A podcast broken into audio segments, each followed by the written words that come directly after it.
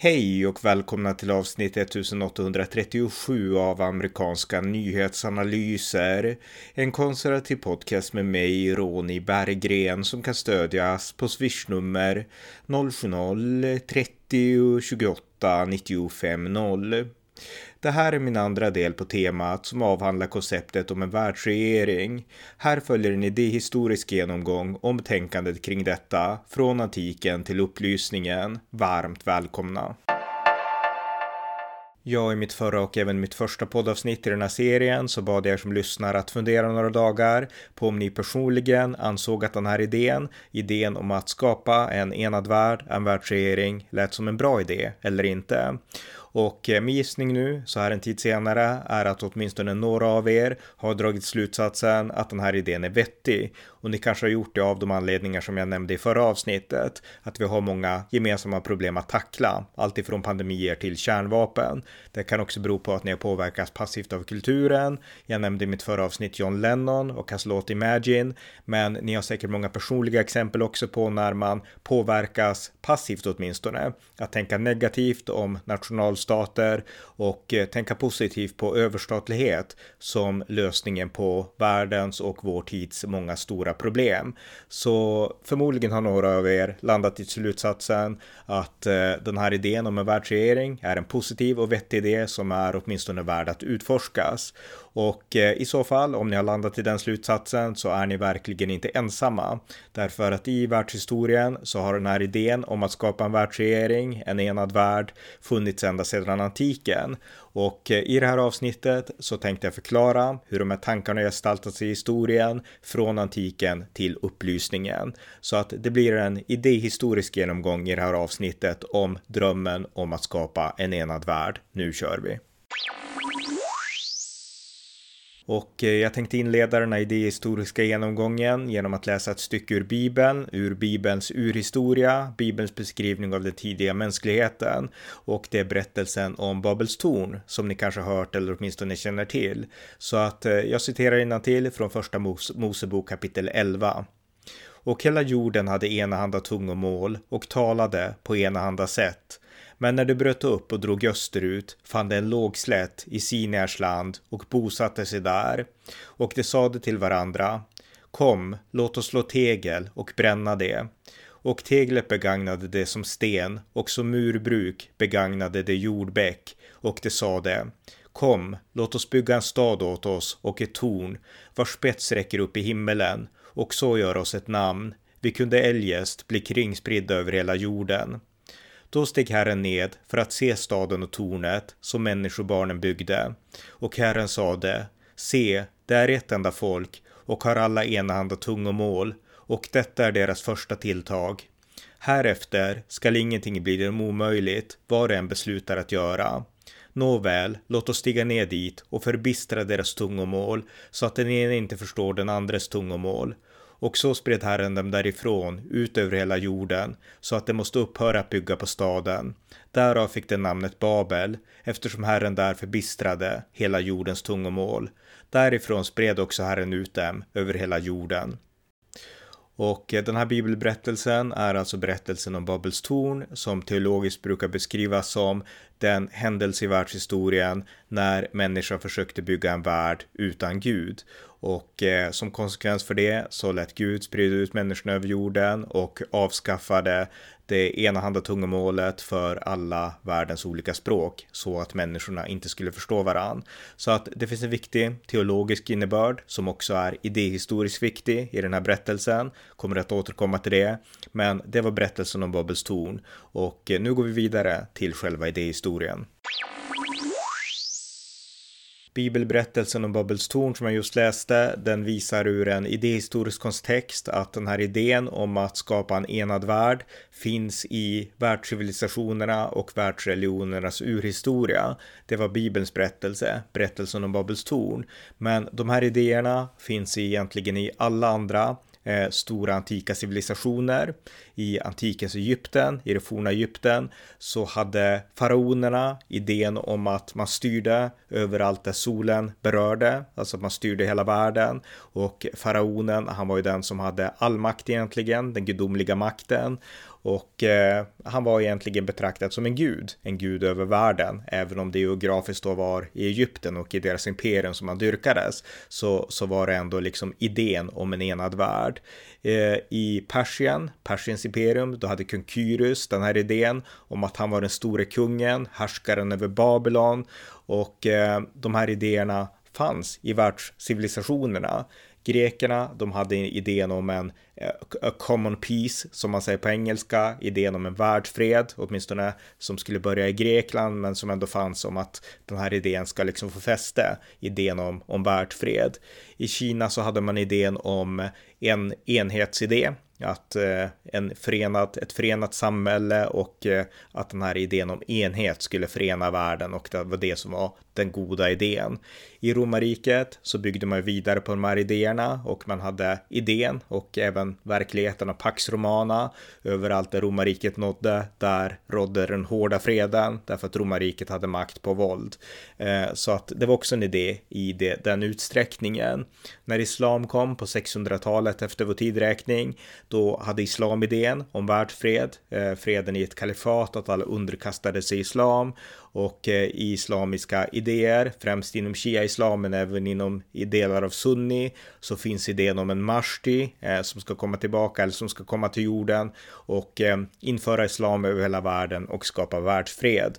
Så att den här idén om världsfred, den är i viss mån kopplad till idén om en världsregering och idén om en enad värld.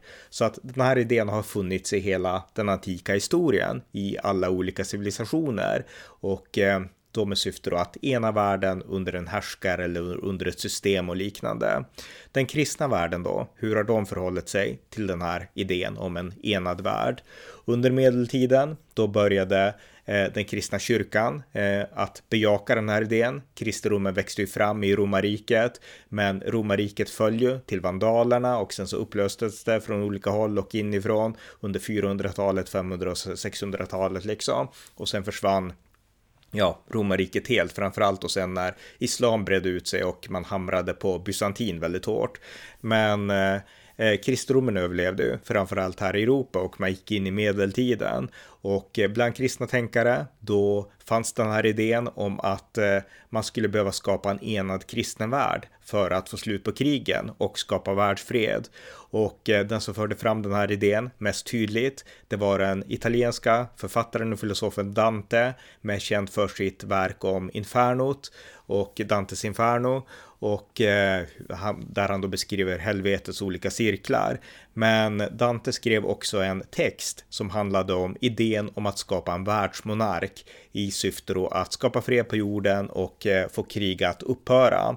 Och eh, den här texten som skrevs eh, 1308, där förklarar han då att en världsmonark skulle genom att ha all makt eh, vara den eh, absoluta domaren över världens problem. Och eftersom han då var världsmonark, resonerade Dante, så skulle han ha allt han behövde. Alltså alla hans begär, hans behov skulle vara tillgodosedda och därför så skulle han inte agera utifrån girighet eller utifrån andra liksom sämre instinkter i den mänskliga naturen, utan verkligen kunna vara rättvis och god och sådär, den goda fursten så att säga då. Ehm, det var lite av Dantes idé som han pålyste då där på, på 1300-talet.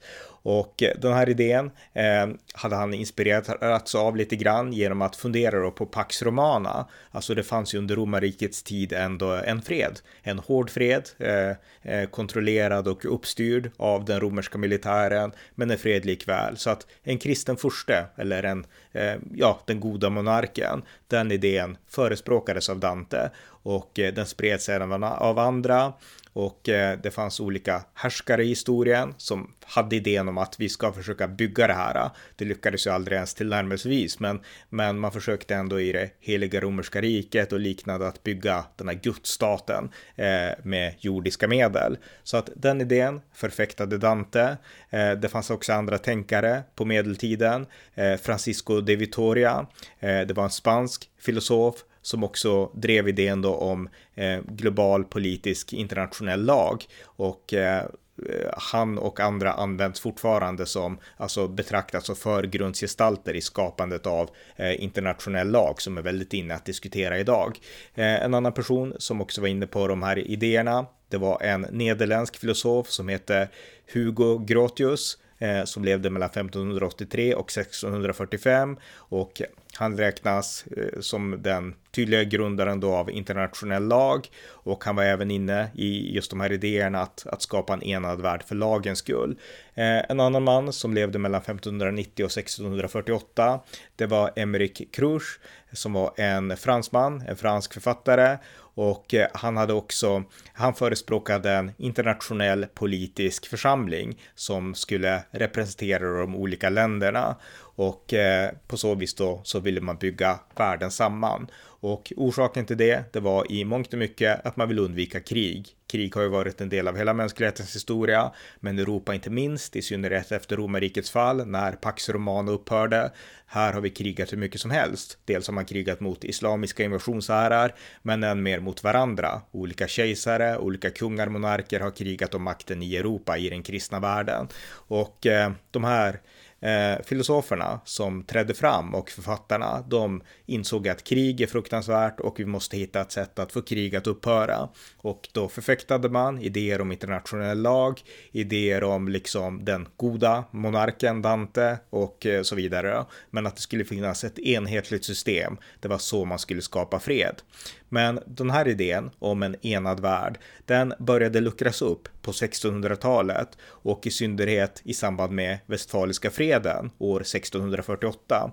För vad Westfaliska freden gjorde, det var att Westfaliska freden eh, omdanade länderna från att ha varit riken, alltså områden som har styrts eh, av en monark och där riket sedan har definierats utifrån hur långt monarkens eh, ekonomiska, men kanske framförallt militära makt sträcker sig hur stort geografiskt område som monarken har makt att verkligen hålla inom sin kontroll från rivaler och konkurrenter.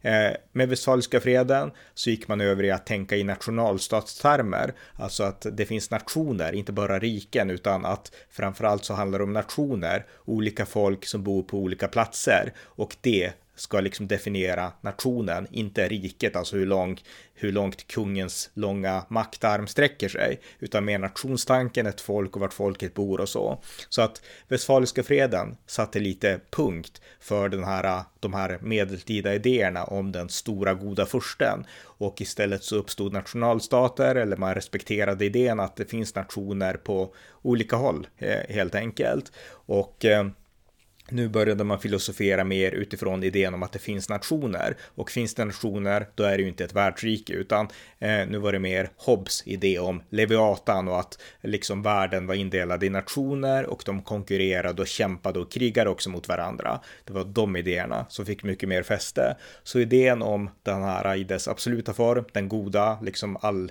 allsmäktige monarken, Dantes idé, den försvann egentligen senare. Och eh, under upplysningen då på 1700-talet då skulle idéerna dock om en världsregering komma på nytt, fast i lite nya former. Inte Dantes riktigt råa idé, utan mer liksom mjuka former. Idéer om världsparlament, idéer om att på något sätt ha ett internationellt styre av något slag, men inte idén om den här stora enväldiga monarken.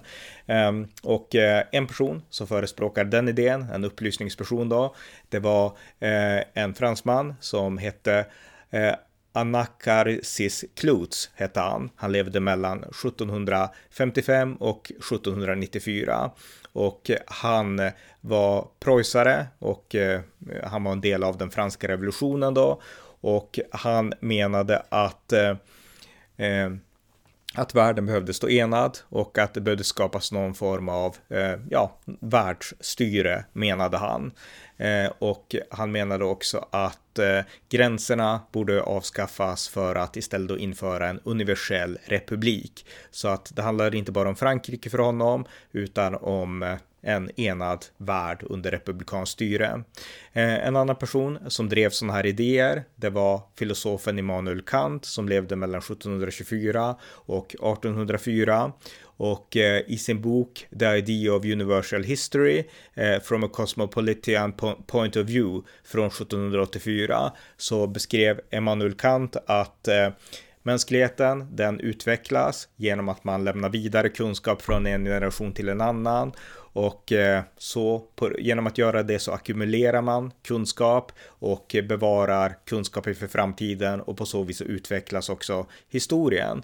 Och han förespråkade att eh, nästa steg i utvecklingen, det är skapandet av ett universellt administrerat civilsamhälle, en världsstat, en väldstat. Eh, det förespråkade Immanuel Kant. Och eh, han menade då att en världsstat skulle fungera likadant som en nationalstat. Alltså i en nationalstat så finns det individer och de har en stat ovanför sig. I den här världsstaten då är nationerna, eh, där har nationerna samma roll som en individ. Det finns många olika nationer, alltså individer, men så finns det också en stat ovanför dem som styr de högre frågorna som de enskilda individerna i en nationalstat och nationerna i en världsstat inte själva kan styra. Så att eh, det var Immanuel Kants eh, förslag på botemedel mot alla de förhatliga krigen som även han upplevde.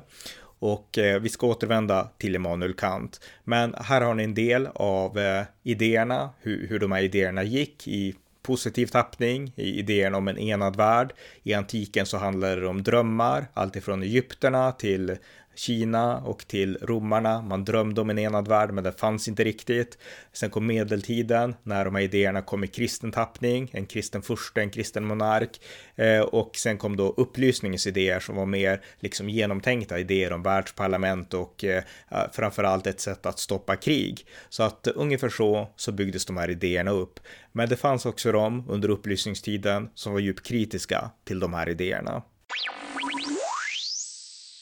Och eh, av de tänkare som eh, uppstod kring upplysningen så är min egen personliga favorit Thomas Jefferson, den amerikanske författningsfadern som skrev den amerikanska självständighetsförklaringen och även blev USAs tredje president. Och eh, Thomas Jefferson, han resonerade ju kring frihet väldigt mycket. Han resonerade inte specifikt kring en världsregering, men däremot så resonerade han ju väldigt mycket kring förhållandet till det stora imperiet på dåtiden, på hans tid, alltså det brittiska imperiet, som var och är det närmaste ett världsimperium som någonsin har funnits, för det var så stort. Och eh, Jefferson, han var en nitisk motståndare till allt vad överstatlighet hette och eh, han gav ofta uttryck för och beskrev det galant varför överstatlighet aldrig var svaret och eh, en världsregering är ju överstatlighetens yttersta instrument, så att därför kan Jeffersons resonemang också appliceras för att avskriva och avfärda idén om en världsregering. Och eh, i Thomas Jeffersons första installationsadress, det tal han då höll när han hade blivit president år 1801, där så sa han bland annat så här, och jag läser på engelska. Sometimes it is said that man cannot be trusted with the government of himself. Can he then be trusted with the government of others? Or have we found angels in the form of kings to govern him? Let history answer this question. Så det Thomas Jefferson sa här, det är att eh, han sa helt enkelt att ibland så sägs det att människor inte kan betros ansvaret att styra sig själva. Men kan man då betro andra att styra över andra människor? Eh, för är det verkligen så att vi har hittat kungar i en ängels skepnad, alltså perfekta människor. Eh, och att de då på så vis skulle bli kapabla att eh, råda bot på människornas egen svaghet genom att andra människor styr över enskilda människor. Och Thomas Jefferson sa att låt historien besvara den frågan. Och eh, det innebär helt enkelt att historien visar den historiska empirin att överstatlighet fungerar inte därför att människorna är alltid fyllda av imperfektion och av maktlystnad och liknande. Och Jefferson, precis som många andra tänkare i upplysningen, de avfärdade ju Dantes idé om att det skulle gå att få en god monark om den här goda monarken bara hade alla sina behov tillgodosedda. För då skulle han ju inte ha några, några incitament att agera illvilligt. Det var argument som Jefferson och många andra avfärdade och eh, jag tycker att det här citatet av Thomas Jefferson är väldigt talande. Men nästa person jag vill nämna lite om som också tog avstånd från den här idén, Eh, det var just Immanuel Kant. Och han var ju tidigare en förespråkare av idén av en väldstat, en världsregering, ett världsstyre. Inte i samma hårda tappning som Dante, men likväl ett världsstyre mycket mer radikalt än det som, ja, absolut inte som Thomas Jefferson som tog avstånd från första början. Men Immanuel Kant, han ändrade med tiden eh, sin inställning. Han hade förespråkat mer en monarkistisk syn på en världsstat, eh, en världsstat som skulle ha makt över de olika nationerna på samma sätt som en monark hade makt över individerna i en nationalstat. Men med tiden så började Kant rädas för den här idén och han ansåg att eh, i den här idén så fanns fröet till världsdespotism, alltså världstyranni. Och han konstaterade att universell despotism, det skulle sluta i att eh, i en begravning för friheten, alltså i frihetens grav, skulle världsdespotism sluta. Så Kant han eh, drog ner sitt förespråkande av en världsstat. Eh, han tyckte fortfarande att eh, relationerna eh, mellan världens nationer behövde styras upp, men det behövde ske på en slags mellanstatlig federalistisk nivå där alla var ense, inte att eh, världen styrdes av en stark man eh, på samma sätt som nationer styrdes på hans tid. Så att eh, Immanuel Kant själv, han tog alltså avstånd från sin egen idé om en världsstat, eller han åtminstone avdramatiserade han och tonade ner liksom styrkan i den här staten. Och han gjorde det därför att han var rädd för tyranniet som han såg och eh, i valet eh, mellan längtan efter världsfred som ändå ligger till grund för många av de här tankarna om en världsregering och fruktan för tyranni så drog Immanuel Kant slutsatsen att det sistnämnda var ett för farligt alternativ för att man skulle kunna välja det förstnämnda. Alltså risken för tyranni, den var så pass stor att eh, man skulle inte kunna välja att skapa en världsregering därför att risken för världstyranni var för stor så man måste hitta andra lösningar. Det var ungefär dit som Immanuel Kant kom. Så att om Jefferson var skeptisk från första början och aldrig ville ens befatta sig med sådana tankar så var Immanuel Kant inne på de spåren tills han själv drog slutsatsen i sina tankar att det här är en för farlig idé att leka med. Det är att leka med elden och han tog några steg bakåt. Så att eh, så såg tankarna i mångt och mycket ut under upplysningen.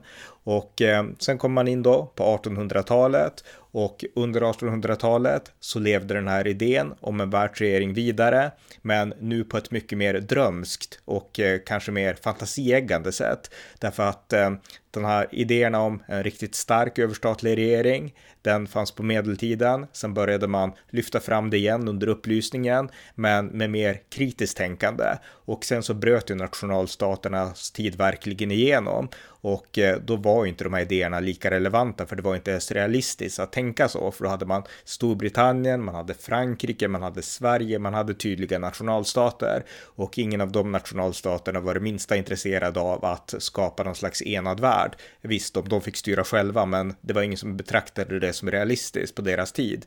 Så att under 1800-talet, då var den här idén mer av drömsk natur men det fanns ändå eh, tankar kring idén om en världsstat. Och eh, den engelske po poeten Alfred Lord Tennyson, han skrev en, eh, en, eh, en dikt år 1837 som heter Loxley Hall.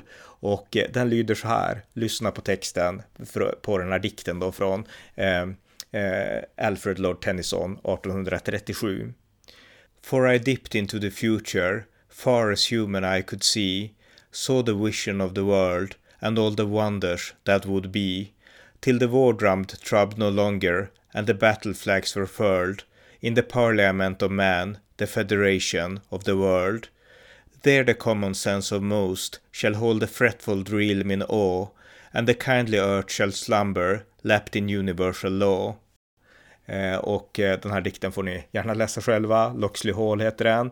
Men han skriver här då om idén om ett världsparlament och en federation för världen och en universell lag i den här dikten. Så att det här är ett exempel då på den här drömska idén som, som levde vidare under 1800-talet, men mer då på ett ja, ett fantasiplan snarare än på ett filosofiskt eller än mindre på ett realpolitiskt plan. Så att det var 1800-talet och eh, jag tänkte egentligen avrunda det här avsnittet eh, just här, därför att i nästa avsnitt så kommer vi att komma in på 1900-talet och där händer det många andra saker mycket, mycket snabbt.